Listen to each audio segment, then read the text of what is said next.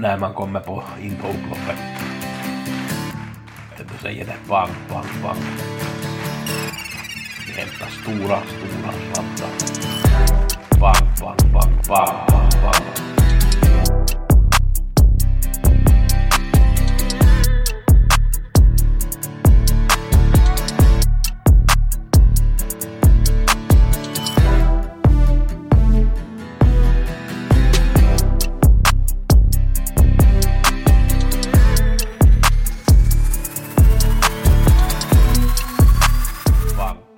har måndag.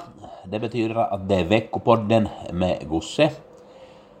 Vi går igenom förra veckans V86 och V75. Vi har några idéer den här veckan till bland annat tisdagen på Östersund och så har jag en idé till V86 på onsdag. Så går jag igenom guldloppet till V75. Det är dagens veckopoddsprogram. Förra onsdagen var det ganska bra. Bästa spiken, El Jackpot, satt väldigt enkelt och gjorde en väldigt bra årsdebut. Den var 32 procent, så att det var väldigt bra procent, låg procent på den hästen. Jag förstår inte att den blev så lite spelad. Jag hade också som en idé, Talking to me, no, det var många som hittade den. Procenten steg enormt på den, den blev nästan 30 och blev favorit i det här loppet. I och för sig blev det en knapp seger där på målfoto, men hästen var väldigt bra i alla fall.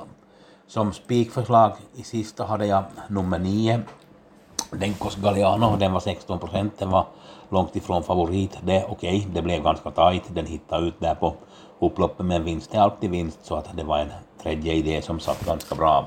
Nu blev det ju jackpot på åttorna, eller på sexorna, det blev ju 11 tusen på 8 rätt och 87 kronor på 20 och, in, och ingen utdelning på 6 rätt. Så att vi har en jackpot att se fram emot till onsdagen. Eh, på lördagen, Sultan Si, vinnaren i andra nummer tre, den hade jag rankat etta. Den var långt ifrån favorit. Favoriten Sandokan galopperade ju där när den fick lite press. 18 procent steg Sultan Si till och jag kan egentligen inte förstå den här procenten. Den tycker jag i mina ögon borde ha varit favorit. Eh, fjärde loppet som vanns av Alm Randers, den hade jag ganska lågt rankad, den hade ju varit förkyld och man kanske inte var sådär helt hundraprocentigt optimistiska för stallet, klart det var lite felbedömning av mig. Där hade jag som idé Finnskog Nox och den gjorde egentligen ett jättebra lopp, fick gå på i spåren där flera gånger och fick ett tungt lopp och det blev ju en nolla i raden. Eh, tyvärr får man väl säga jag trodde ju väldigt, väldigt mycket på den. Nu kommer den att gå ut på tisdag på Östersund och jag kommer att återkomma till det loppet efter att jag har gått igenom det här V75. Eh, bästa spiken, Marres Dreamboy, den blev tvåa. Det blev ganska hård körning där i början mellan Kimili Quattro och Marres Dreamboy och ettan Dixie Brick tog ganska överraskande spets och Örjan var helt överlägsen med Helpatrol, den var 5 procent. Marres Dreamboy blev tvåa. Eh, det som kanske eh, var mest retfullt för mig kan man säga, det var Krakas i sjätte som blev etta rankad när 13 strök, så jag trodde ju att Krakas skulle fota ryggen på Island Radio och gå i spåren och, och kunna vara med och göra upp om det här. Nu gjorde ju Krakas ett enormt bra lopp. Tyvärr blev den bara tvåa efter Benita vinner och var knappt slagen lite, lite tidigare om det skulle ha fått gått på så skulle den kunna vinna. Det var ju 1,4 procent men det var en jättebra idé på Krakas i det här loppet men vi ska ta Krakas med oss till nästa gång. Eh, sista loppet hade jag eh, Destino DJ rankad etta, den blev 13 procent och Dynamo Sensation blev, hade jag rankat tvåa, 22 procent. De hade jag i A-gruppen och det var Jeppson som vann med Dynamo Sensation. Jag trodde att han skulle få spets men han fick andra utvändigt och avgjorde egentligen ganska enkelt. Eh, Destino DJ avslutade helt okej.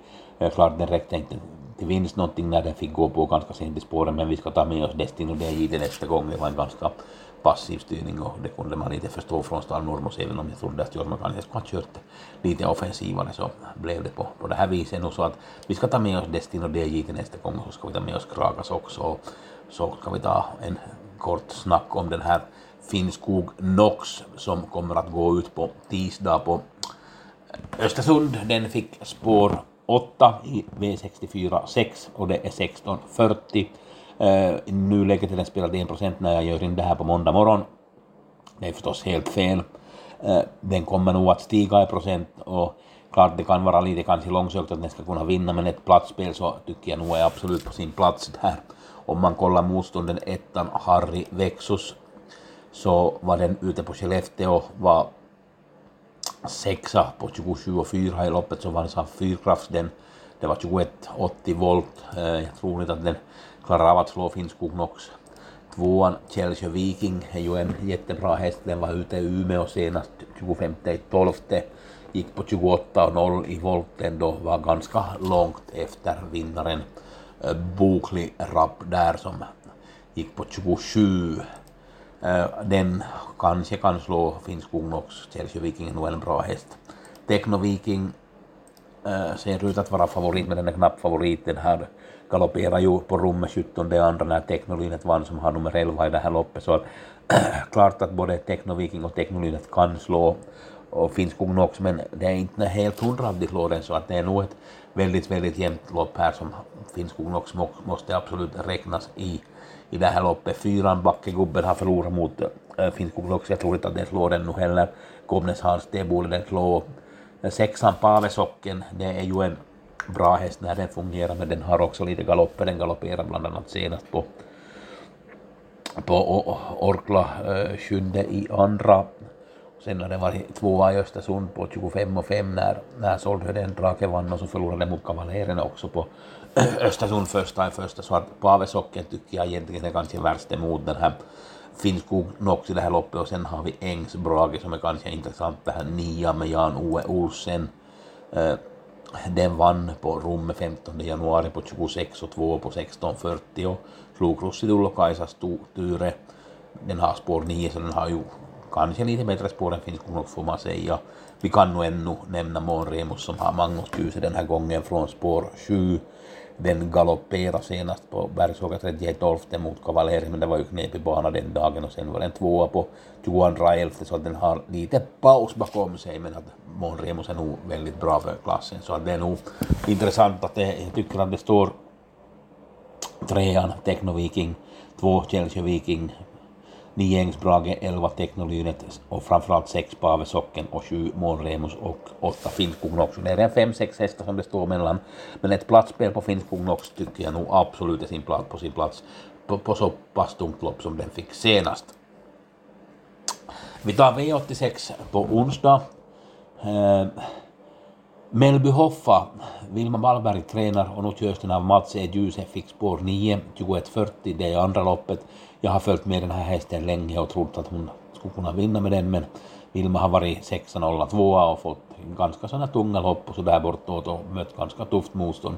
Då tycker jag det är väldigt, väldigt lämpligt, lämpligt motstånd då till 6-7 procent. Den kommer säkert att stiga till 10-12 så tycker jag att det är ett absolut måste streck på V86. Sen hur jag kommer till rankonen så återstår att se. Det ser vi sen på onsdag när jag får tipsen för V86 klara.